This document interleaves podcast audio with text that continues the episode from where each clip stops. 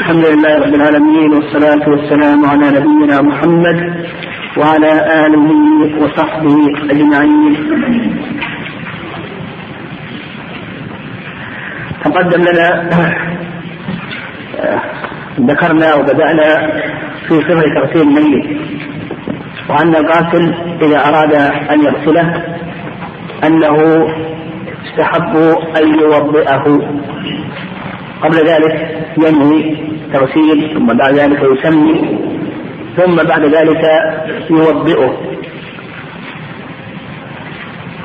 وقبل ذلك كله ينجيه. وذكرنا أن الغاسل يحدث قفازات. قفازات للفرجين وقفازات لسائر البدن. ويستحب آه، عند توضئته أن لا يدخل الماء في فمه وأنفه وإنما يجعل على إصبعه خرقة فيمسح أسنانه وأنفه. فيقوم ذلك مقام المضمضة والاستنشاق. ثم بعد ذلك يوضئه كالوضوء العادي المعهود لحديث أم عطية للنبي صلى الله عليه وسلم قال للناس قد سن ابنته ابدأن بميامنها ومواضع الوضوء منها. ثم قال المؤلف رحمه الله ثم ينوي غسله ويسمي ويغسل برغوة السدر رأسه ولحيته فقط. آه، النية تكون متقدمة على الوضوء. كذلك أيضا التسمية تكون متقدمة على الوضوء لما سبق. قال ويغسل برغوة السدر رأسه ولحيته فقط.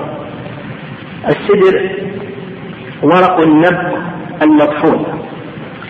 فيأتي الغاسل بالسدر ويضعه على الماء ثم يضربه بالماء فيظهر له رغوة يعني عندك الماء الآن في إناء ثم يأتي بالسدر ويضعه على هذا الإناء. ثم يقوم بضربه وخلطه حتى تتكون له رغوة. هذه الرغوة يقول المؤلف رحمه الله فإنه يغسل يأخذ هذه الرغوة ويغسل بها رأسه ولحيته فقط. وأما بقية البدن فإنه يغسله بالسفل يعني الباقي. الباقي بعد أن يأخذ هذه الربوة يسمى السفل هذا يغسل به بقية البدن. وإنما يغسل الرأس واللحية برغوة السجر لأن السفل يكون يبقى فيه شيء من السجر فلو أنه غسل بالسفل رأسه ولحيته أدى ذلك إلى أن تعلق. هذا السجر يعلق هذا السجر يعني آثار السجر يعلق بالشعر أيصعب إخراجه. فلهذا قال العلماء رحمه الله بأن رغوة السدر يغسل بها الرأس واللحية وأما بالنسبة للثقل الباقي فإنه يغسل به بقية البدن. قال ثم يغسل شقه الأيمن ثم الأيسر. بقول النبي عليه الصلاة والسلام في حديث أم عطية رضي الله تعالى عنها ابدأنا بميامنها ومواضع الوضوء منها. والعلماء الذين يقسمون الماء إلى ثلاثة أقسام طاهر وطهور ونجس أشكل عليهم قول النبي صلى الله عليه وسلم اغسلوه بماء وسدر لأنه إذا خلط السدر بالماء انتقل من كونه ماذا؟ يعني من كونه طهورا إلى كونه طاهرا فلكي يخرجوا من هذا الإشكال ماذا قالوا؟ قالوا يكون عندنا ماء قراح يعني ماء صافي وماء فيه سدر فيأتي أولا بالماء الذي فيه السدر بالماء ويخلط فيه السدر. ثم ذلك يغسل برغوة السدر رأسه ولحيته والباقي السفل يغسل به سائر البدن. ثم يأتي بالماء القراح الصافي ويغسل به بقية البدن مرة ثانية. هذه غسلة تكون غسلة لأن تغسيل الميت يشترط له أن يكون الماء طهورا. وإذا ضرب السدر في هذا الماء الطهور فإنه يغيره فحصل إشكال عندهم. وقال بعض وهذا نص عليه الشافعية رحمهم الله. وقال بعض العلماء وكذلك أيضا الحنابلة نصوا على ذلك. وقال بعض العلماء يضع سدرا لا يغير الماء. يعني يأتي بالماء ويضع فيه سدر لكن هذا السدر لا يغير الماء. وصواب اننا لسنا بحاجة إلى هذا كله. بل نقول كما قال النبي صلى الله عليه وسلم اغسلوا بماء وسدر وكفنوا في ثوبين فنأتي بماء ونضع فيه السدر ونغسل آه، بالرغوة رأسه ولحيته وبالسفل سائر البدن. ولا حاجة إلى مثل هذا التفصيل. لا حاجة إلى مثل ذلك. قال ثم يغسل شقه الأيمن ثم الأيسر ثم كله ثلاثا. نعم. آه الوضوء لا يفعل إلا مرة واحدة. وأما بالنسبة للغسل فالسنة أن يغسل ثلاث مرات. والعلماء ينصون على أنه لا يكره يعني أكثر أهل العلم يقولون يكره أن يقتصر على أقل من ثلاث. لأن النبي عليه الصلاة والسلام قال في حديث أم عطية اغسلنها ثلاثا أو خمسا أو سبعا أو أكثر من ذلك إن رأيتن ذلك. والظاهرية يقولون يحرم أن يقتصر على أقل من ثلاث بأمر النبي عليه الصلاة والسلام.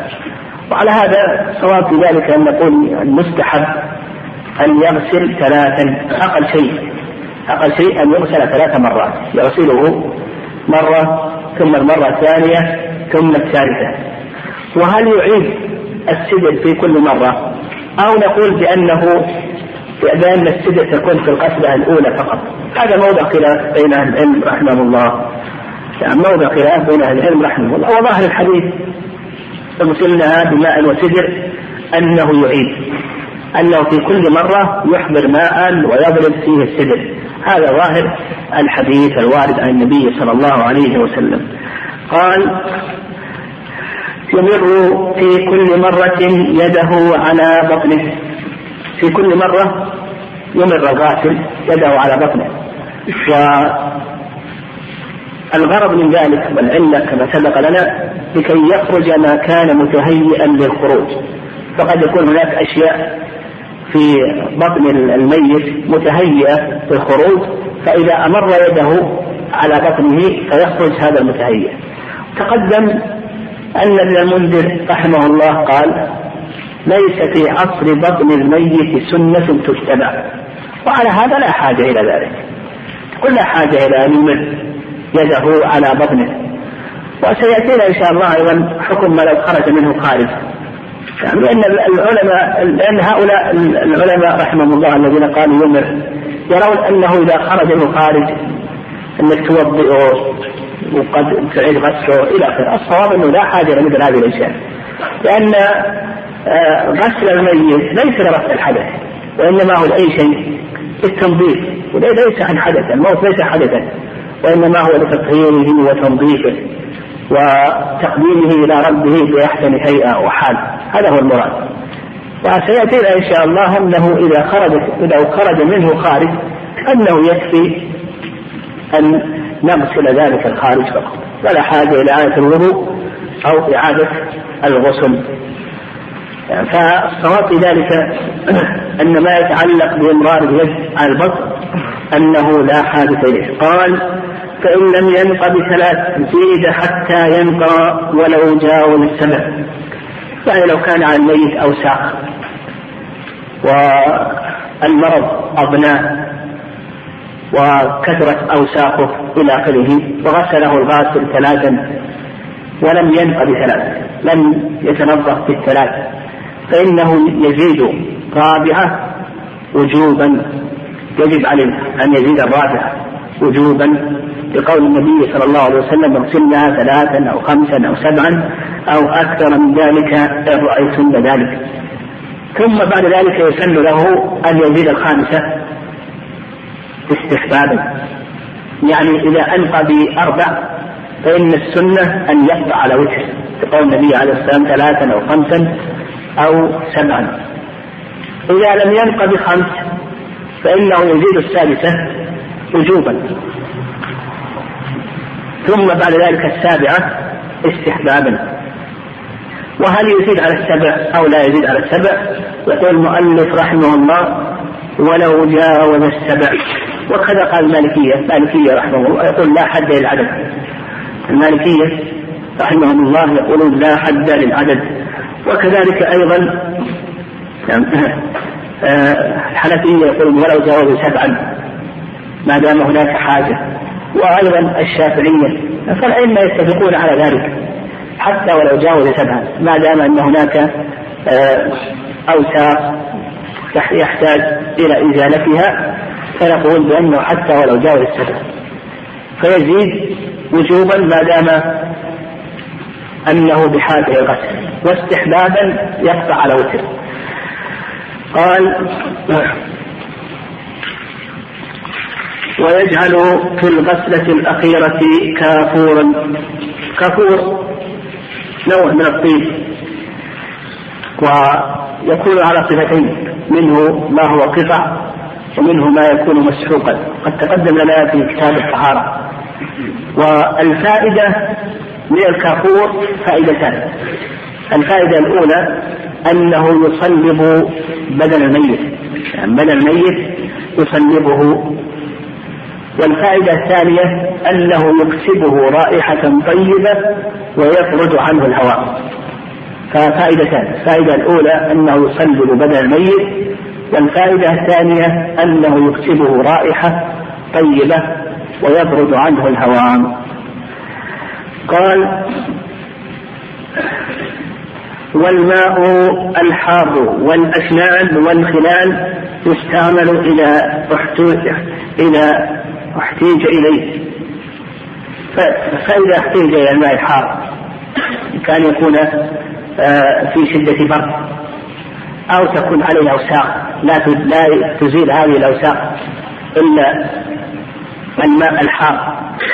فنقول يستعمل الماء الحار وأن الأصل أنه لا يستعمل الماء الحار لأن الماء الحار يرخي البدن يرخي اللحم فلا يستعمل إلا عند الحاجة ولهذا السنة أن يجعل في الغسلة الأخيرة كافورا كما قال النبي عليه الصلاة والسلام باللاتي غسلنا ابنته واجعلنا في في الآخرة كافورا.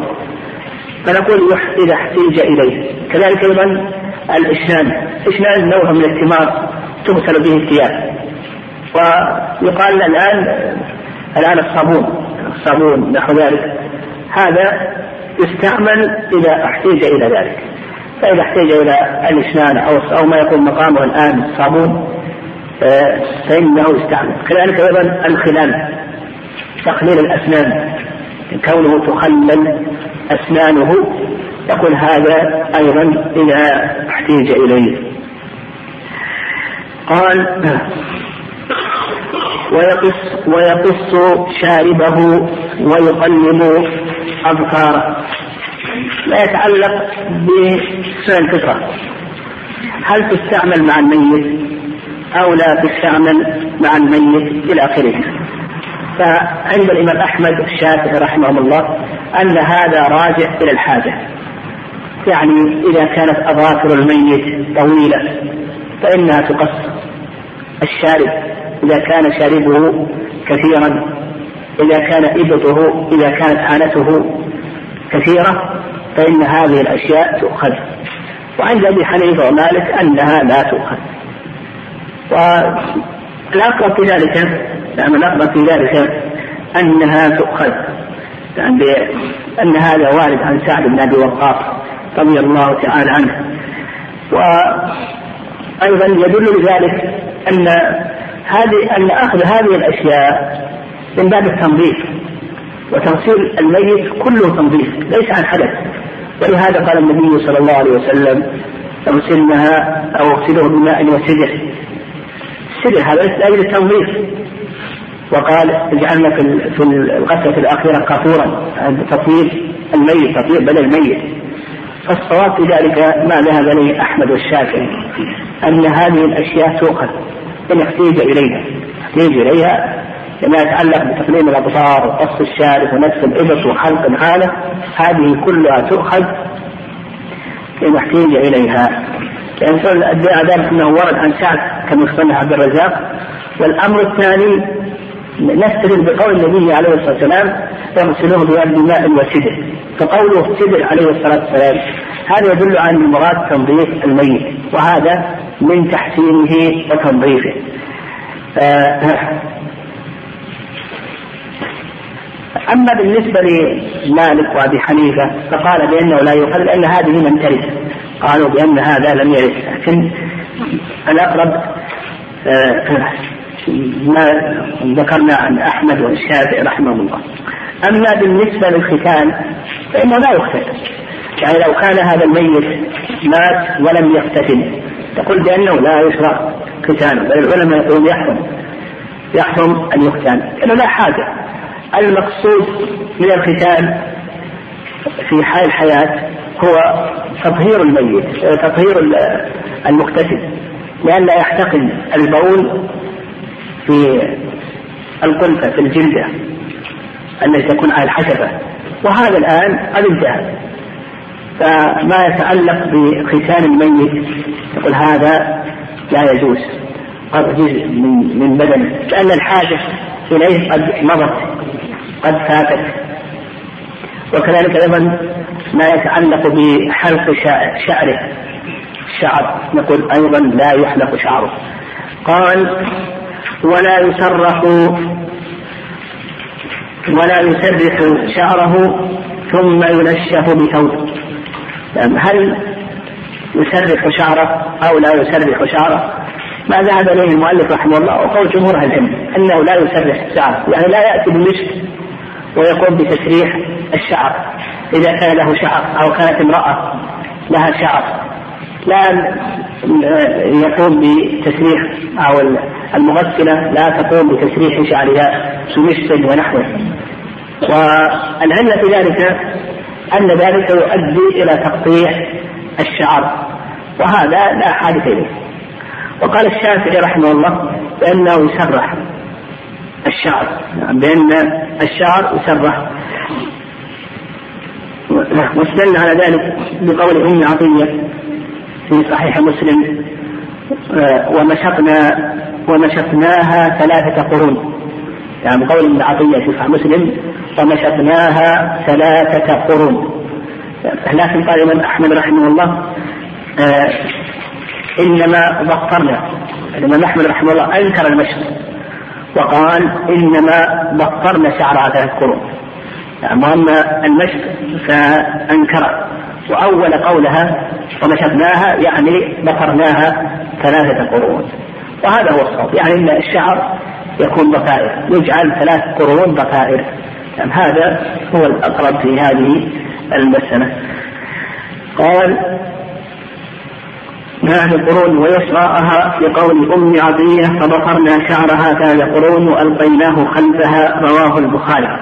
وقوله فظهرناها هذا يفسر رواية مسلم. مثناها قرون أن المراد بالمشط هنا الظفر أنها جعلت ثلاث قرون قال ويسكن وراءها لما تقدم من حيث قال وإن خرج منه شيء بعد السبع حشي بقتل فإن لم يستمسك فبطين حر ثم يغسل المحل ويوضأ. وإن خرج بعد تكفينه لم يغسل. إن خرج من الميت شيء فهذا لا يخلو من أقسام فمن خرج من الميت شيء فإن, فإن هذا لا يخلو من أقسام القسم الأول أن يكون خروجه قبل السابعة يعني قبل الغسلة السابعة. فهذا يجب إعادة توضئته وتغسيله. لأن هذا التفصيل عند الحنابلة رحمهم الله. يقولون بأن هذا لا يخلو من ثلاث أمور الأمر الأول الأمر الأول أنه إن كان قبل السابعة يجب أن يعاد وضوءه وغسله. الأمر الثاني إن كان بعد السابعة وقبل التكفير من قبل السابعة بعد السابعة وقبل أن يكفن فهذا يجب إعادة الوضوء فقط دون التغسيل. الأمر الثالث أن يكون ذلك بعد تكفينه فهذا لا يجب إعادة شيء. فعندنا ثلاث أحوال على المذهب. إذا كان قبل السابعة يجب أن يوضأ وأن يغسل مع تغسيل المحل. إن كان بعد السابعة وقبل التكفين يجب أن يعاد الوضوء فقط مع تغسيل المحل أما الغسل فلا يجب. الحالة الثالثة أن يكون ذلك بعد تكفين هذا لا يجب أن يوضأ ولا أن يغسل. هذا ما ذهب إليه المؤلف رحمه الله وقول الإمام أحمد رحمه الله أو المذهب عند أصحابه. وعند جمهور أهل العلم أنه لا يجب لا الوضوء ولا الغسل. لأن يعني عند الحنفية والمالكية والشافعية أنه لا يجب لا إعادة الوضوء ولا إعادة الغسل بل تغسل النجاسة فقط. النجاسة تغسل فقط إن كان قبل التكفير وإن كان بعد التكفير لا, لا يفك الكفن دفع المشقة. وهذا القول هو الصواب. أما القول بأنه إعادة الوضوء أو الغسل هذا كله في نظر. لأن سبق أن ذكرنا أن المراد والحكمة من تغسيل الميت ماذا؟ التطهير. لأن لأن آه، الموت هذا ليس حدث. الحكمة هو تطهيره وتنظيفه وتحسينه فقط هذه من الحكمة وعلى هذا نقول الصواب أن إعادة الوضوء والغسل هذا كله فيه نظر سواء كان قبل السابعة أو بعد السابعة لكن نحتاج إلى إعادة الغسل متى؟ ها؟ نحتاج إلى تكرار الغسل ها؟ ما في أحد اليوم ها؟ صح من إذا كان عليه وساق قلنا هذا ها؟ هذا الغسل مرة ثانية هو السنة ثلاث غسلات هذا السنة لكن نحتاج إلى نكرر الترتيب إذا كان هناك حاجة لا أوسع فقط أما بالنسبة لخروج خارج من بطنه فهذا لا إليه نحتاج إلى التغسيل إذا إذا كان عليه أوساخ نكرر ذلك. أو السنة ثلاث غسلات ونحتاج إلى نكرر إذا كان عليه أوساخ. إذا لم يكن عليه أوساخ فلا حاجة إلى نكرر قال رحمه الله ومحرم ميت كحي يغسل بماء وسدر ولا يقرب شيبا ولا يلبس ذكر نقيضا ولا يغطى رأسه ولا وجه أنثى. المحرم إذا مات وهو على إحرامه. فحكمه حكم الحي. يعني نفعل به ما نفعل به آه نعم آه نفعل به ما نفعل بالميت تماما إلا ما يتعلق بمحظورات الإحرام. محظورات الإحرام تجتنب. تقول ما يتعلق بمحظورات الإحرام محظورات الإحرام تجتنب. ولهذا قال النبي عليه الصلاة والسلام فإنه يبعث يوم القيامة ملبيا. هذا يدل على أن حكم الإحرام لا يزال باقيا. وعلى هذا لا نضع في الغفلة الأخيرة كافورا. كذلك ما يتعلق بتحنيط الميت كما سيأتينا إن شاء الله في التكفير نقول بأننا لا نضع الحنوط إلى آخره. وكذلك أيضا ما يتعلق برأسه لا يستر رأسه. رأسه لا نستره ولا نلبسه النقيض كما سيأتينا في التكفير إلى آخره. المهم ما يتعلق بمحظورات الإحرام من الطيب وتغطية الرأس بالنسبة للذكر وتغطية الوجه بالنسبة للأنثى. وكذلك أيضا تغطية الوجه بالنسبة للذكر. إذا قلنا بأن الذكر يمنع من تغطية وجهه إذا كان محرما كما سيأتي في الحج. نقول هذا يمنع منه. فنفعل به كسائر الأموات إلا ما يتعلق بمحظورات الإحرام فإن حكم الإحرام لا يزال باقيا. بقول النبي عليه الصلاة والسلام فإنه يبعث يوم القيامة يوم القيامة ملبيا قال وكذلك أيضا ما يتعلق بقص أظفاره. يعني ما يتعلق بأخذ الشعر تقسيم تقليم الأظفار. المحرم لا يأخذ أظفاره لا يحلق شعره لا, لا كذلك أيضا بالنسبة للميت المحرم الميت لا نقص أظفاره ولا نقص شاربه ولا نأخذ عانته ولا إبطه إلى آخره. كالحج فما يتعلق بمحظورة الإحرام هذه تجتنب. نعم.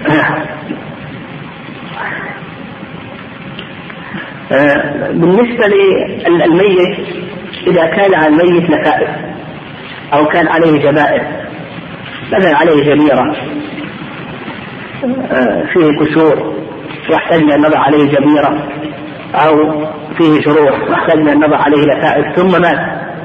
وهذه اللفائف لا تزال باقية عليه. هل نقوم بإزالتها عند التغسيل أو نقول بأنها لا تزال؟ هذا العلماء رحمه الله يقولون فيه فيه تفصيل. إن أدى أخذ هذه الأشياء إلى سقوط شيء من اللحم أو الجلد فإنها لا تؤخذ. يعني إذا قمنا بنزع هذه الأشياء ثم أدى ذلك إلى أن يسقط شيء من الجلد أو اللحم فنقول بأنها لا تؤخذ. وإن كان ذلك آه، لا يؤدي إلى سقوط شيء منه فإنها تؤخذ. كذلك أيضا لو كان عليه خاتم من من فضة أو عليه أسنان من ذهب فهل تنزع هذه الأشياء ولا تنزع؟ نعم نقول تنزع. فقال العلماء رحمه الله بالنسبة للخاتم لو لم يؤدي نزعه إلا ببرده يعني يؤتى بمقص تقص هذه الأشياء. أو المرأة إذا كان عليها خاتم من ذهب إلى آخره. فإنه يؤتى بمقص وتقص هذه الأشياء. بالنسبة لنزع الأسنان من ذهب إلى آخره هي تنزع لكن العلماء يقولون إن كان ذلك يؤدي إلى المثلة فإنها لا تنزع قال ولا يغسل شهيد ومقتول ظلما. الشهيد يقول المؤلف رحمه الله تعالى بأنه لا يغسل وهذا قول جمهور أهل العلم أن الشهيد لا يغسل. قد خلت بذلك الحسن البصري رحمه الله كذلك أيضا سعيد ابن المسيب لكن الصواب في ذلك ما عليه جماهير أهل العلم رحمهم الله. ودليل الجمهور أن النبي عليه الصلاة والسلام في شهداء أحد لم يغسلهم وإنما أمر بدفنهم بدمائهم فلم يغسلهم النبي صلى الله عليه وسلم. وهذا أخرجه البخاري. يعني شهداء أحد لم يغسلهم النبي عليه الصلاة والسلام وإنما أمر بدفنهم بدمائهم. ما الذين قالوا بتغسيل الميت؟ فلعلهم استدلوا بالعمومات. مثل ما تقدم من حيث أبي سعيد من النبي صلى الله عليه وسلم قال اغسلوه بماء وسدر وكفنوه في ثوبين ومع ذلك نقول بأن هذا يخص منه الشهيد. شهيد المعركة نقول بأنه لا يغسل وقوله الشهيد المراد بذلك يعني قول شهيد المعركة المراد بذلك من قاتل لتكون كلمة الله هي العليا. هذا هو الذي يأخذ أحكام الشهيد. أما من قاتل حمية أو وطنية أو لأجل المال أو نحو ذلك من الأشياء فهذه لا عبرة بها في ميزان الله عز وجل. العبرة ومن قاتل لتكون كلمة الله هي العليا هذا هو الذي يأخذ حكم الشهيد. والشهيد سمي بذلك قيل لأنه حي لا يزال حيا. وقيل بأن الله تعالى وملائكته شهدوا له بالجنة. وقيل لأنه قام بشهادة الحق حتى قتل. وقيل لأن الملائكة تشهده إلى آخره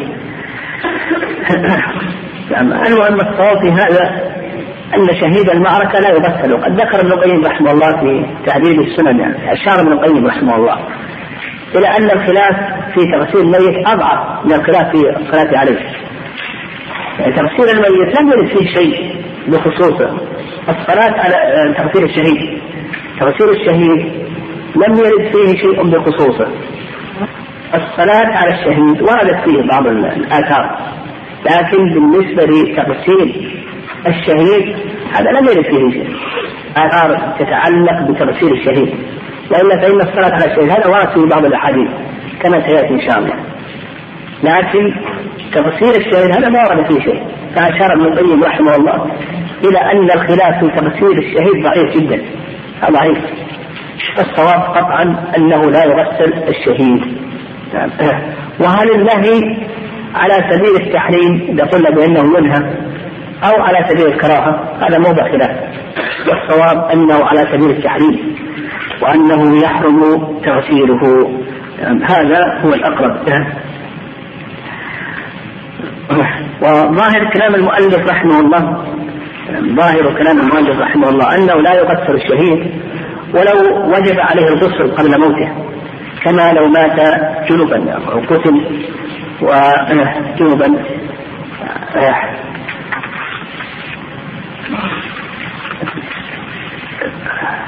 إلا أنه قال بعد ذلك إلا أن يكون جنوبا فاستثنى المؤلف رحمه الله إذا كان جنوبا فيقول بأنه يغسل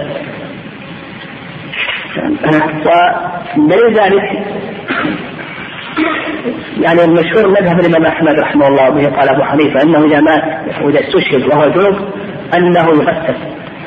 ودليل ذلك أنه ورد أن حمزة رضي الله تعالى عنه وكذلك أيضا حنظلة لأبي عامر استشهد وهما جنب فأخبر النبي صلى الله عليه وسلم أن الملائكة غسلتهما.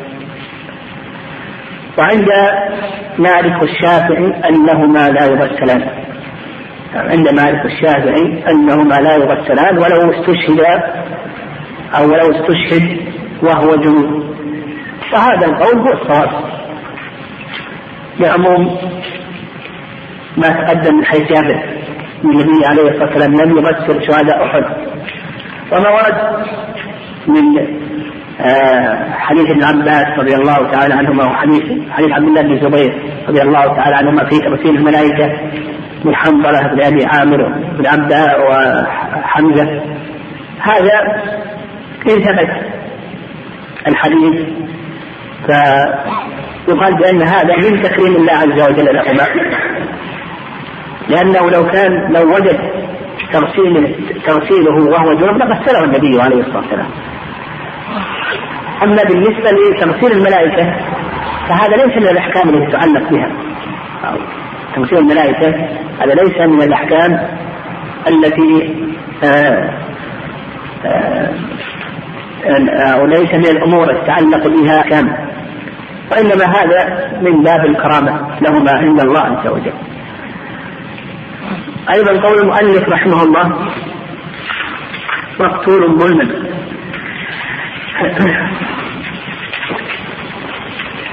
مقتول ظلما. وفي كلام المؤلف رحمه الله أن الإنسان إذا قتل ظلما أنه لا يغسل وهذا من المفردات. وهو خلاف ما عليه جمهور أهل العلم رحمهم الله. واستدلوا على ذلك لأن النبي صلى الله عليه وسلم قال من قتل دون دمه فهو شهيد ومن قتل دون ماله فهو شهيد ومن قتل دون دينه فهو شهيد ومن قتل دون أهله فهو شهيد. فسمى النبي عليه الصلاة والسلام هؤلاء شهداء من قتل دون دينه دون دمه دون أهله دون ماله شهيد. وعند جمهور أهل العلم أنه يغسل وهذا هو الصواب وعليه عمل الناس اليوم. أن المقتول ظلما يغسل ويدل ذلك أن عمر قتل ظلما عثمان قتل ظلما علي قتل ظلما. كلهم غسلهم الصحابة رضي الله تعالى عنهم واتفقوا على ذلك. ما ذهب إلى مالك رحمه الله هذا ضعيف. وأما قول النبي عليه الصلاة والسلام شهيد يعني في الأجر عند الله عز وجل. أما في أحكام الدنيا فإنه لا يأخذ الشهادة لا يأخذ حكم الشهادة. الله أعلم. آه، تقدم لنا ولا يغسل شهيد ومقتول ظلما إلى آخره. تكلمنا على هذه المسألة. قال إلا أن يكون جنبا. أيضا تكلمنا على هذه المسألة. هل يغسل الشهيد إذا كان جنبا أو لا يغسل؟ وذكرنا أن المذهب كذلك قال به أبو حنيفة أنه إذا كان جنبا أو عليه حدث أكبر كحيض أو نفاس أنه يغسل. والرأي الثاني وبه قال مالك والشافعي أنه لا يغسل وهذا هو الصواب. قال ويدفن في ثيابه بعد نزع السلاح والجلود عنه. يعني يدفن الشهيد. وكذلك أيضا على المذهب المقتول ظلما. لكن ذكرنا أن الصواب في المقتول ظلما أن غيره يغسل ويكفن ويصلى عليه. لإجماع المسلمين على تغسيل عمر رضي الله تعالى عنه كذلك أيضا عثمان وعلي رضي الله تعالى عنهم فإنهم قتلوا ظلما. قال ويدفن أي الشهيد على الصحيح في ثيابه لا يغسل عنه دمه. وإنما يدفن في ثيابه ودمه. يعني في ثيابه ودمه. ويدل لذلك ما سبق من حديث جابر رضي الله تعالى عنه أن النبي صلى الله عليه وسلم دفن شهداء أحد بثيابهم ودمائهم. لم يغسلهم ولم يصل عليهم. قال بعد نزع السلاح والجنود عنه. يعني إذا كان عليه سلاح فإنه ينزع كذلك أيضا إذا كان عليه جلد فإنه ينزع هذا الجلد. أما السلاح نزع السلاح فهذا ظاهر لأن ترك السلاح يدفن هذا لا فائدة منه وفيه تضييع لهذا المال. والله عز وجل يقول وكلوا واشربوا ولا تسرفوا وكذلك أيضا الجلد إذا كان عليه جلد لبسه من أجل المعركة أيضا هذا ظاهر نزعه.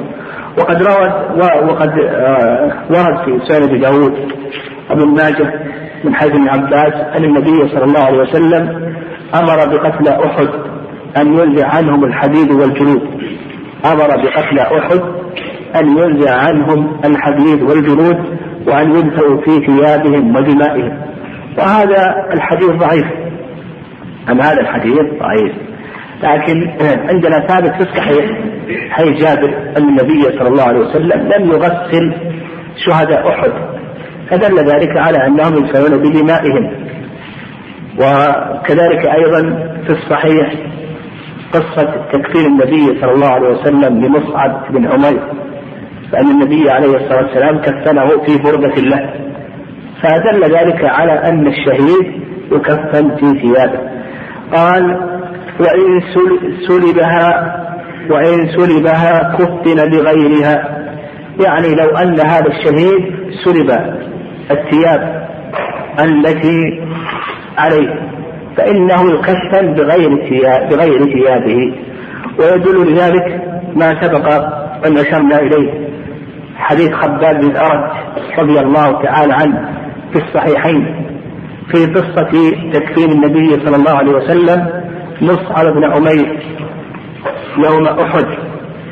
آه قال فلم يوجد له شيء إلا نمرة فكنا إذا وضعناها على رأسه خرجت رجلاه وإذا وضعناها على رجليه خرج رأسه.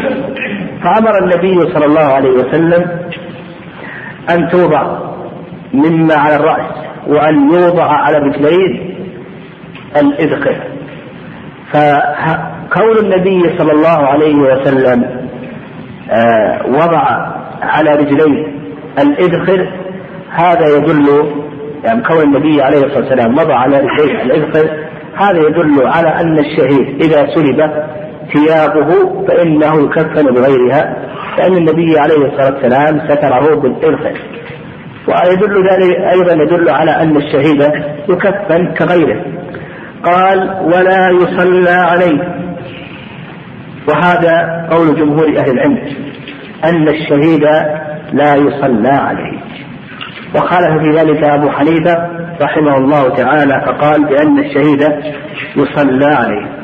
والدليل على أن الشهيد لا يصلى عليه ما تقدم من حديث جابر رضي الله تعالى عنه في صحيح البخاري أن النبي صلى الله عليه وسلم أمر بشهداء أحد فدفنوا بدمائهم ولم يغسلهم ولم يصلي عليهم. النبي عليه الصلاة والسلام أمر بشهداء أحد فدفنوا بدمائهم ولم يغسلهم ولم يصلي عليهم. وهذا دليل على أن الشهيد لا يصلى عليه.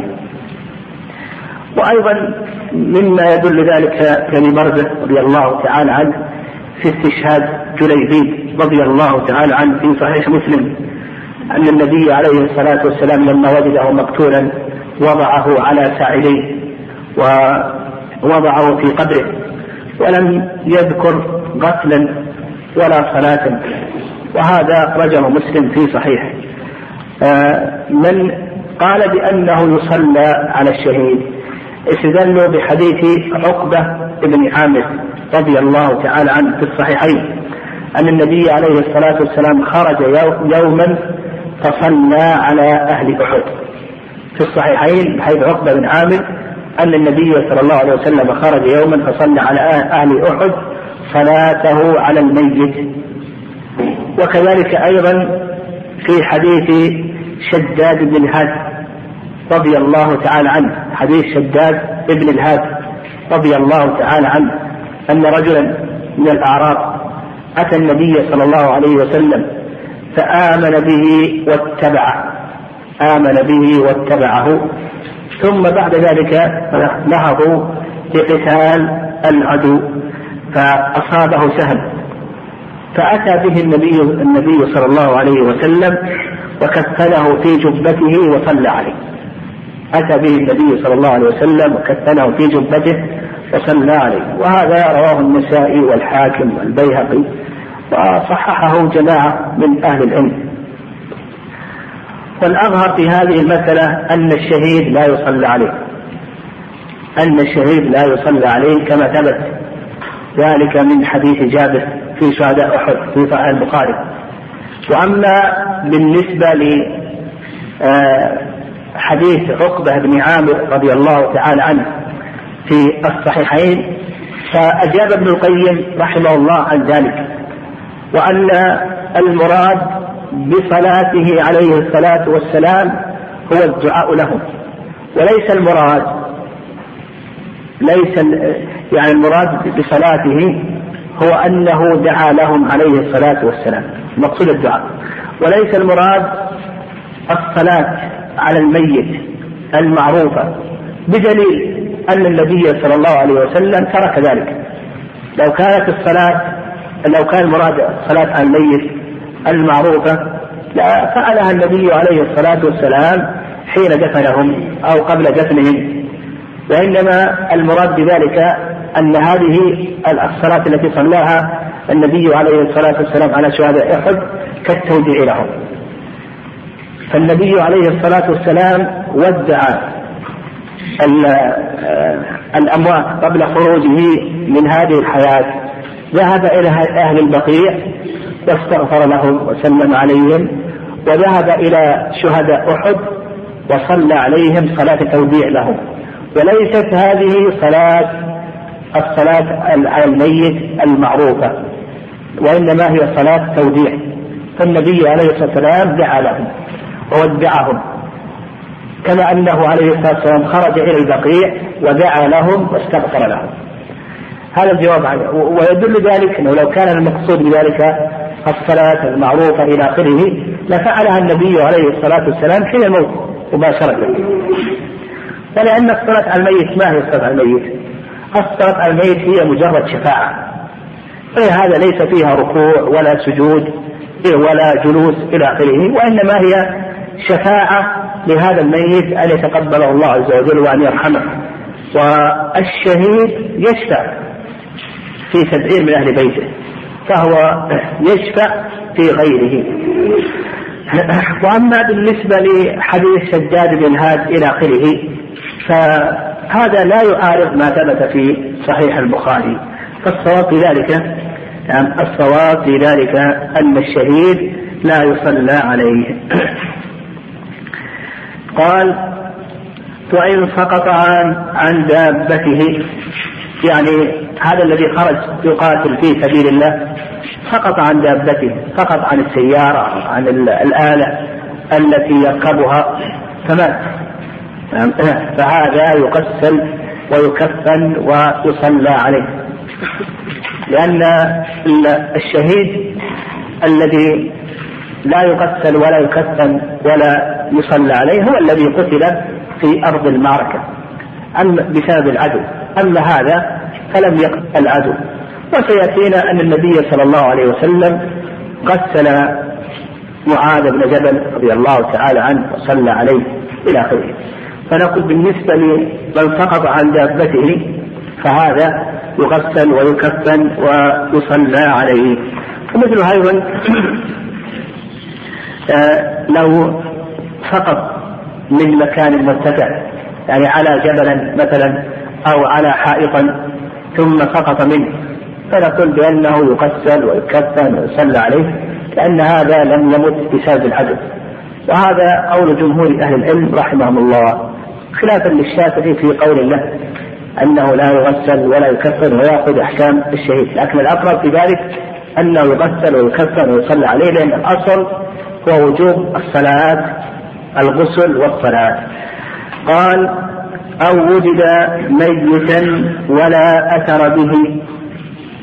كذلك أيضا إذا وجد ميت هذا الذي خرج للجهاد. وليس فيه أثر ليس فيه أثر. فنقول بأنه أيضا يغسل ويكفن ويصلى. آه إذا قتله سلاحه يعني لو أن سلاحه قتله هل يغسل أو يكفن أو يصلى عليه؟ إلى آخره. هذا موضع خلاف بين أهل العلم رحمهم الله تعالى. فأكثر أهل العلم أنه إذا قتله سلاحه أنه لا يغسل ولا أنه يغسل ويكفن ويصلى عليه. أكثر العلماء. وفي قول للشافعي رحمه الله أنه لا يغسل ولا يكفن ويكفن ويصلى عليه. يأخذ أحكام الشهيد. يكفن ولا يغسل ويصلى ولا يصلى عليه. يعني كأحكام الشهيد تماما كأحكام الشهيد تماما. وهذا القول هو الأقرب ويدل لذلك يعني يدل لذلك أن عامر بن الأكوع رضي الله تعالى عنه عاد عليه سلاحه فلم يفرد عن الشهداء بحكم. فهذا أخرجه مسلم. وهذا القول رجحه الشافعي رحمه الله تعالى. رجحه ابن قدامة رحمه الله تعالى. الصواب أنه إذا قتله سلاحه أنه يأخذ أحكام الشهيد فلا يغسل ولا يصلى عليه. قال أو حمل. فأكل. أو حمل فأكل. إذا حمل فأكل. أو شرب أو نام أو تكلم أو بال إلى آخره. هذه كلها يرى المؤلف أو يرى الحنابلة رحمهم الله أنه لا يغسل أنه يغسل ويصلى عليه بل إذا حمل من أرض المعركة إذا حمل من أرض المعركة فأكل. أو شرب. أو تكلم. أو عطس. أو بال إلى آخره. هذه المشهور من المذهب أنه لا يأخذ أحكام الشهداء فيغسل ويكفن ويصلى. عليه وهذا أيضا قال به أبو حنيفة رحمه الله تعالى. والرأي الثاني رأي الإمام مالك رحمه الله أنه ينظر إلى حالته ينظر إلى حالته. فإن كان جرحه موحيا يعني قاتلا فهذا يأخذ أحكام الشهداء. وإن كان جرحه غير موح يعني ليس قاتلا فإنه لا يأخذ أحكام الشهداء. فإذا حمل هذا فيه التفصيل الذي ذكرنا. إن كان جرحه موحيا على قول من مالك فإنه يأخذ أحكام الشهداء وإن كان غير موح فإنه لا يأخذ أحكام الشهداء. وعند الشافعي رحمه الله يقول يفصل يقول إن كانت الحرب قائمة فإنه يأخذ أحكام الشهداء وإن كانت الحرب غير قائمة فإنه لا يأخذ أحكام الشهداء وما ذهب إليه الإمام مالك رحمه الله هو الأقرب. يعني ما ذهب إليه الإمام مالك رحمه الله هو الأقرب أنه ينظر إن كان جرحه موحي يعني قاتلا فإنه يأخذ أحكام الشهداء كأن الشهيد أو الميت آه، قد يتكلم وهو في السياق في النزع قد يأكل قد يشرب قد يعطس إلى آخره. فهذا لا لا يخرجه عن حكم الأموات. قال أو طال بقاؤه عرفا غسل وصلي عليه. كذلك أيضا إذا طال بقاؤه عرفا. يعني جرح وحمل إلى المعركة وطال بقاؤه عرفا فيقول المؤلف رحمه الله بأنه يغسل ويصلى عليه. ويدل لذلك ما ثبت في الصحيحين أن سعد بن معاذ رضي الله تعالى عنه جرح في غزوة الخندق وحمل إلى المسجد ثم مات بعد ذلك فغسل وصلي عليه. سعد بن معاذ رضي الله تعالى عنه جرح في غزوة الخندق وحمل إلى المسجد ضرب له النبي عليه الصلاة والسلام خيمة في المسجد لكي يعوده من قريب. فغسل وصلي عليه. فنقول آه، إذا طال بقاؤه عرفا فإنه يغسل ويصلى عليه وإذا طال بقاؤه عرفا يعني طول البقاء عرفا هذا يدل على أن جرحه ليس موحيا ليس قاتل أما إن كان جرحه موحيا يعني قاتلا فإنه لا يغسل ولا يصلى عليه ويأخذ أحكام الشهداء هذا هو الصواب في هذه المسألة.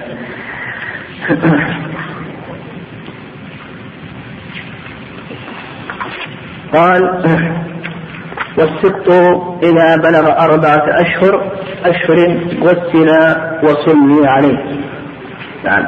السقط آه السقط هو المولود. قبل تمامه.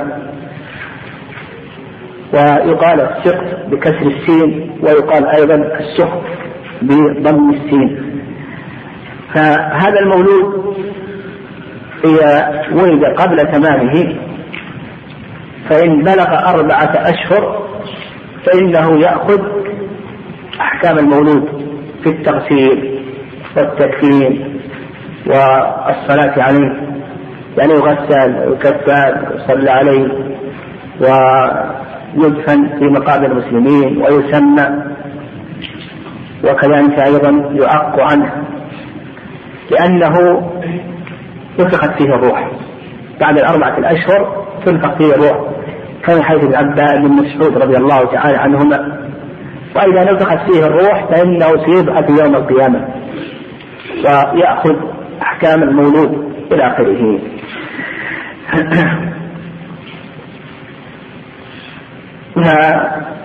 السقط هذا إن كان تم له أربعة أشهر فهذا يأخذ هذه الأحكام. إن سقط قبل أن تتم له أربعة أشهر فإنه ميت جماد يعني مضغة من اللحم إلى آخره. لا يأخذ هذه الأحكام وإنما يدفن في أي مكان في أي مكان يدفن. لأنه لم تفارقه روح. لكن تم له أربعة أشهر فقد نطقت فيه الروح ثم ذلك سقط وخلقته الروح فيأخذ أحكام يأخذ أحكام المولود. قال والسبت إذا بلغت أربعة أشهر كسل وصلي عليه. ومن تعذر غسله يمن. يعني إذا تعذر تغسيل الميت كأن يوجد عندنا ميت قد احترق. أو تقطع هذا الميت. تعذر علينا أن نغسله. فيقول المؤلف رحمه الله بأنه يؤمن هذا ما ذهب إليه المؤلف رحمه الله تعالى. وسبق أن أشرنا إلى هذه المسألة وأن الصواب أن التيمم لا مدخل له في تغسيل الميت لأن تغسيل الميت تطهير وتنظيف ليس لرفع حدث وإنما هو تنظيف وتطهير لهذا الميت ولهذا قال النبي صلى الله عليه وسلم اغسله بماء وسدر فيغسله بماء وسدر. والسدر إنما يراد به التنظيف التطهير وقال عليه الصلاة والسلام اغسلنا ثلاثا أو خمسا أو سبعا أو أكثر من ذلك. وهذا العدد يدل على المقصود التطهير والتنظيف. فالتيمم هذا لا مدخل في تغسيل الميت. فإذا تعذر يعني مثلا إنسان محترف وإذا صببنا عليه الماء أو غسلناه سيؤدي ذلك إلى تساقط شيء من لحمه. إلى آخره. أو آه، عنده أمراض مرض يؤدي الماء تساقط شيء من اللحم أو غير ذلك من الأشياء. فهذا نقول بأنه لا حاجة إلى التيمم. وإنما يكفن ويسقط التغسيل. يكفن ويسقط التغسيل ويقضى يصلى عليه ويقبر في مقابر المسلمين. أما على كلام المؤلف رحمه الله فإنه يغسل ييمم إذا تعذر تغسيله ييمم فيأتي الغاسل ويضرب الأرض ثم بعد ذلك يمسح وجهه وكفيه. ثم بعد ذلك يكفنه. والصواب أنه لا حاجة إلى ذلك. قال وعلى الغاسل ستر ما رآه إن لم يكن حسنا. يعني غاسل الميت يقول المؤلف رحمه الله عليه. وقوله وعلى الغاسل على هذه من صيغ الوجوب يعني يجب على الغاسل إن رأى شيئا يكره من الميت أن يستر ذلك وألا يبديه للناس لأمرين أو لدليلين. الدليل الأول حديث أبي رافع رضي الله تعالى عنه أن النبي صلى الله عليه وسلم قال من غسل مسلما فكتم عليه غفر له أربعين مرة. وهذا قوى إسناده. ابن حجر رحمه الله. هذا الحديث أخرجه الحاكم والبيهقي. وفيه كلام لأهل العلم رحمهم الله في ثبوته وعدم ثبوته. وعلى كل حال ابن حجر رحمه الله قوى إسناده في الدراية. وأيضا الدليل الثاني النهي عن سب الأموات. يعني النهي عن سب الأموات. فالنهي عن سب الأموات يدخل في ذلك. آه، يستثنى من ذلك يستثنى من ذلك إذا كان مبتدعا فإنه ينشر ما يرى على عليه بعد موته. لأن في هذا ردعا وزجرا عن بدعته. وكذلك أيضا الأمر الثاني يستثنى إذا كان معروفا بالفسق والفجور. هذا الرجل معروف بالفسق والفجور وعدم التورع واقتحام محارم الله عز وجل فإنه ينشر. لأن في ذلك ردعا وزجرا عن فسقه وفجوره. يعني فنقول يستثنى من ذلك حالتان. الحالة الأولى إذا كان معروف بالبدعة عنده بدع معروف بالبدعة إلى آخره والأمر الثاني إذا كان معروفا بالفسق والفجور أو الظلم ونحو ذلك فإنه يبين لما في ذلك من الردع والزجر. وقول المؤلف رحمه الله إن لم يكن حسنا فيفهم منه أنه إن كان حسنا فإنه ينشر ويبين في الناس فإذا رأى الميت حسنا فإنه ينشره ويبينه. نعم.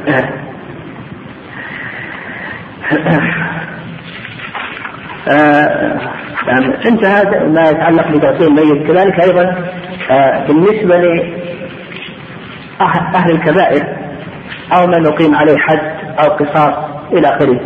هؤلاء كلهم يغسلون ويكفرون ويصلى عليه. يعني مثلا من أقيم عليه حد القصاص من أقيم عليه القصاص أو يقيم عليه حد الرجل إلى آخره. كما فعل النبي عليه الصلاة والسلام بالغامدية. غامدية النبي عليه الصلاة والسلام غسلها وكفنها وكذلك أيضا ماعز رضي الله تعالى عنه عنهما. كذلك أيضا من قتل نفسه من قتل نفسه فإنه يغسل ويكفن ويصلى عليه. لأن مذهب أهل السنة والجماعة فاعل كبيرة لا يخرجه ذلك عن الإسلام. بل هو إذا مات على كبيرته ولم يتب منها تحت المشيئة. إن شاء الله عز وجل غفر له وإن شاء عذبه. إن شاء غفر له وإن شاء عذبه. فنقول بأن هذا الفاعل الكبيرة الذي مات على كبيرته إذا كانت كبيرته آه لا تخرج عن الإسلام أو صاحب البدعة. إذا مات على بدعته إذا كانت بدعته لا تخرج عن الإسلام كلهم يغسلون ويكفنون ويصلى عليهم. لكن يأتينا إن شاء الله كلام شيخ الإسلام تيمية رحمه الله أن الإنسان إذا كان معروفا بالفجور والفسق أو معروفا بالبدعة فإن ذوي فإن ذوي الهيئات لا يصلون عليهم ظاهرا ويدعون لهم باطنا يجمعون بين الحسنين. لا يصلي عليه في الظاهر ردعا وزجرا ويدعو له في الباطن. فيجمع بين حسنين الحسن للميت والحسن للحي. أما الحسن للحي فردعه وزجره عن ان يحترم مثل هذه الأشياء. والحسن للميت أنه يدعو له لأن المقصود من الصلاة على الميت هي الشفاعة. وقد حصلت هذه الشفاعة بالدعاء له باطلا. قال فصل يجب تكفينه في ماله مقدما على دين وغيره. الكفن هو التكفين تقدم لنا أنه فرض كفاية. وذكرنا دليل ذلك من حديث ابن عباس رضي الله تعالى عنهما أن النبي صلى الله عليه وسلم قال اغسلوه بماء وسدر وكفنوه في ثوبين فقوله كفنوه هذا أمر والأمر يقتضي الوجوب. كفنوه في ثوبين هذا أمر والأمر يقتضي الوجوب. وقوله كفنوه قلنا هذا الفرق على الكفاية لأنه لم يلاحظ فيه العامل وإنما لوحظ فيه العمل. قال مقدما على دين وغيره. فيبدأ بهذه الأشياء. يعني على التجهيز تجهيز الميت تغسيله يحتاج إلى أجرة أو أدوات التغسيل السدر الكافور وغير ذلك. كذلك الكفن الحفر يحتاج إلى أجرة الحمل إلى آخره. هذه الأشياء تقدم على الديون مطلقا سواء كانت لله أو للآدمي وتقدم أيضا على الوصية وتقدم على الإرث كما أن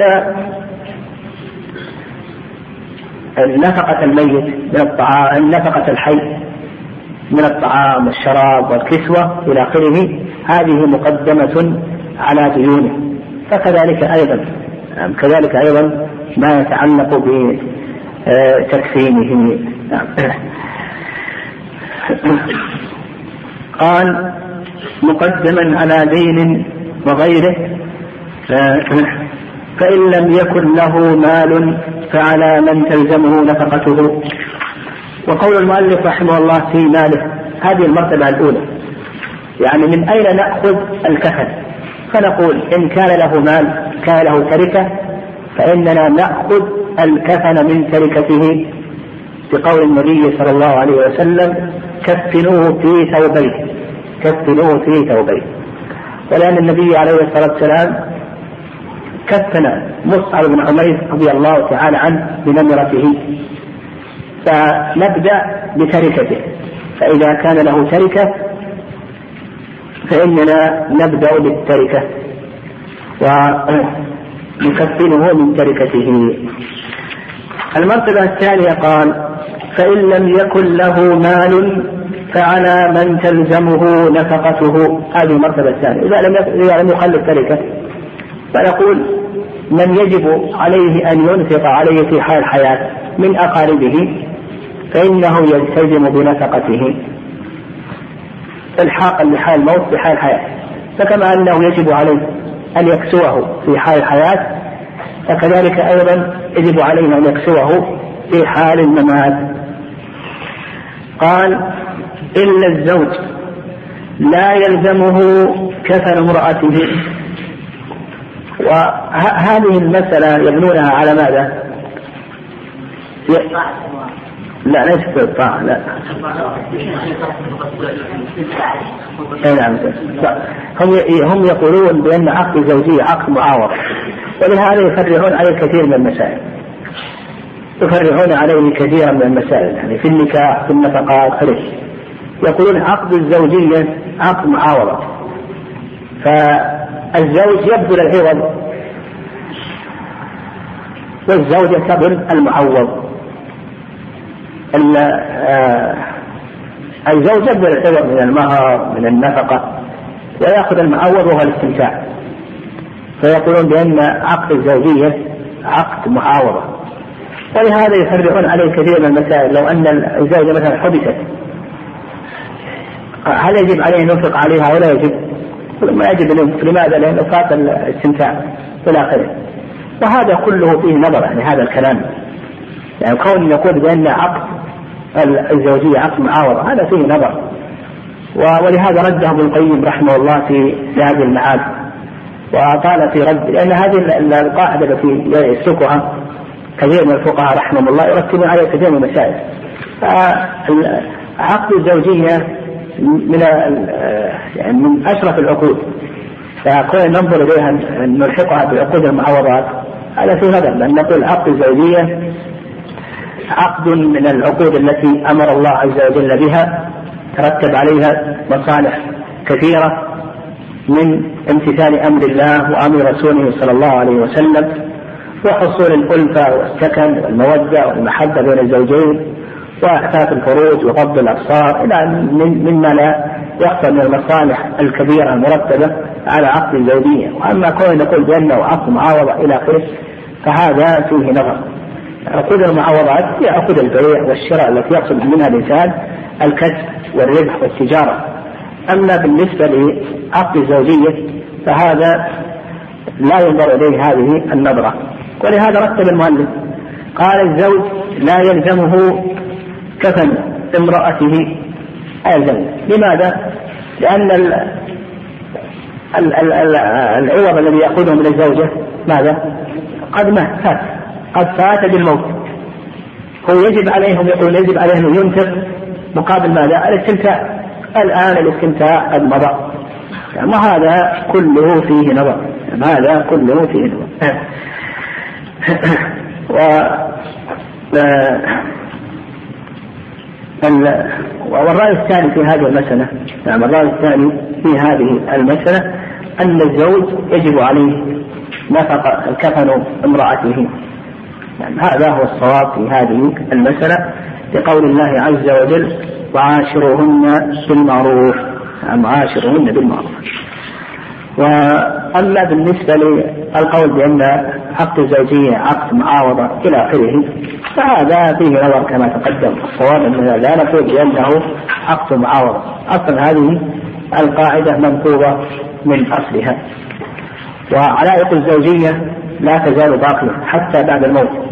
فهناك الإرث وهناك العدة وهناك آه الإحداث وغير ذلك غير ذلك من المسائل. يعني فالصواب أن الزوج يجب عليه أن كفن زوجته. آه، قال ويستحب تكفين قبل ذلك آه، المرتبة الثانية قلنا إذا لم يكن له مال فإن الكفن يكون على من تلزمه نفقته في حال الحياة. إذا لم يكن ذلك يعني كان قريبه فقيرا فنقول من بيت المال. هذه الحالة الرابعة. الثالثة نقول يؤخذ من بيت المال. لأن مصارف بيت المال تكون في مثل هذه الأشياء. الحالة الثالثة أو الرابعة إذا لم نتمكن من بيت المال فعلى من علم بحاله من المسلمين على من علم بحاله من المسلمين أن يشتروا له كفنا ولهذا شيخ الإسلام تيمية رحمه الله يقول آه، إن في المال حقا سوى الزكاة. فطعام الجائع وكسوة العاري وعارية المتاع وغير ذلك من الأشياء. والله أعلم.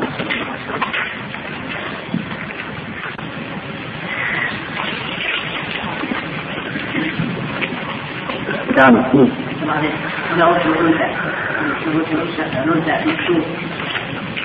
اي نعم لأن إحرام المرأة اي نعم هذه سؤال جيد هذا. يعني قول ما نبهنا على ذلك. يعني قوله ولا وجه أنثى. هو المؤلف رحمه الله يرى يعني قوله ولا وجه أنثى. المؤلف رحمه الله يرى أن إحرام المرأة في وجهها كما سياتينا في الحج. وهذا فيه نظر. فالصواب أن المرأة المحرمة ليست ممنوعة من تغطية الوجه وإنما هي ممنوعة من لباس خاص بالوجه.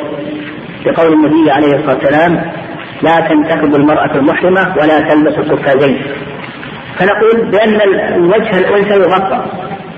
تغطى لكن لكنها لا تلبس اللباس الخاص بالوجه من النقاب والبرصة. فالصواب في ذلك ما ذهب إليه شيخ الإسلام يبين أن المرأة ممنوعة من لباس خاص بالوجه وليست ممنوعة من تغطية الوجه. هذا الصواب. على هذا نقول بأن المرأة المحرمة لا أن تغطي وجهها لكن لا تلبس لباسا خاصا بالوجه. واذا ماتت وهي محرمة تغطي وجهها لكن لا نلبسها لباسا خاصا بالوجه. هو قلنا التغسيل تغسيل الميت للتطهير والتنظيف. فإن أمكن تغسيله غسل أما إذا كان يؤدي لو كان يعني محترق ويؤدي إلى تساقط شيء من اللحم أو الجلد أو نحو ذلك فهذا يسقط عنه الغسل ولا حاجة للتيمم يعني يكفن ويصلى عليه هم العلماء يقولون من تعذر تغسيله اما لتقطعه أو لاحتراقه ونحو ذلك فهذا قالوا بأنه ييمم لكن الصواب أنه لا أن أن التيمم هذا لا مدخل له هذا الصواب.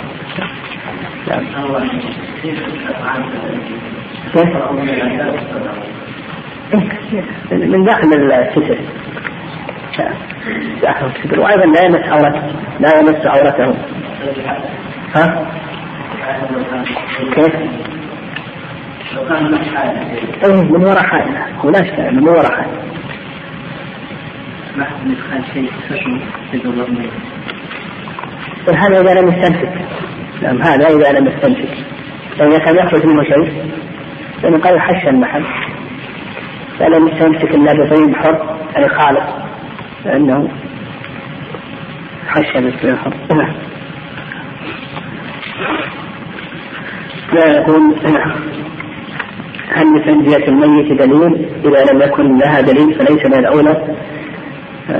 ألا تفعل لأن التنزية تكون من الخارج والخارج من الميت لا يكون إلا بعصر بطنه وعصر البطن غير وارد. على الصحيح تقول لا يلزم هذا.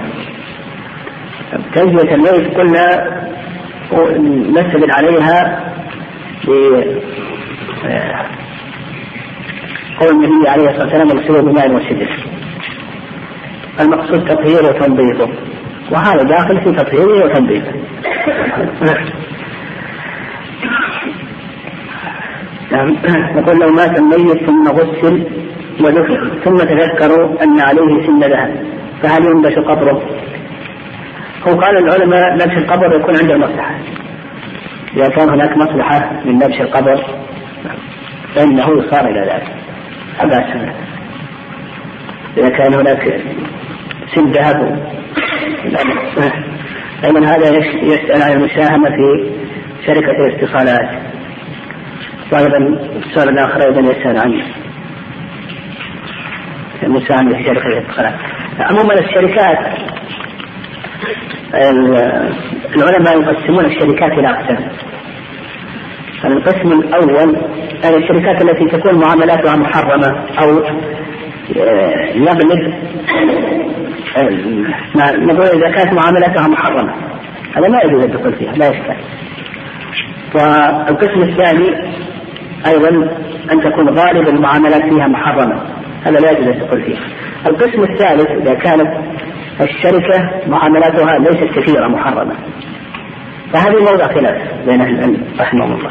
بعض العلماء قال لا بأس أنك تدخل فيها إذا كان المعاملات فيها ليست محرمة وإنما يسيرة المعاملات المحرمة ليست كثيرة وإنما يسيرة قال لا بأس أن تدخل فيها تخرج قدر المحرم. تمضي قدر المحرم ثم تقوم بإخراجه إذا لم تعرف قدر المحرم تخرج نصف الربح وهذا معنى كثير من المعاصرين.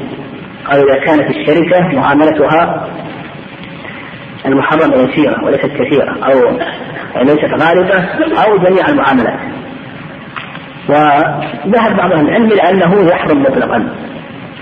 يعني أصلا ما دام فيها معاملة محرمة يحرم مطلقا لأن الله عز وجل قال وتعاونوا على البر والتقوى ولا تعاونوا على الإثم والعدوان هذا أحوط. الإنسان لا يدخل إذا كانت فيها معاملة محرمة. يقول المجاهد الذي مات في أرض الجهاد هل يأخذ أحكام الشهيد إذا لم يستشهد؟ كان يموت حتى أو بسم ونحوه هذا تكلمنا عليه قلنا بأن أنه إذا مات حتى أنفه أو سقط من علو أو من آلته أو ذلك. هذا ما يأخذ أحكام الشهيد بحيث أنه يغسل أنه يترك تغسيل إلى آخره. فإذا خرج إذا لم يكن بسبب عدو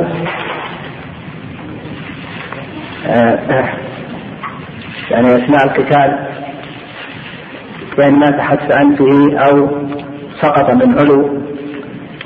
إلا اللهم إذا آه، بالنسبة لقتله سلاحه هذا عامل الأكوان أمره ظاهر لم يخرج عن الشهداء بحكم.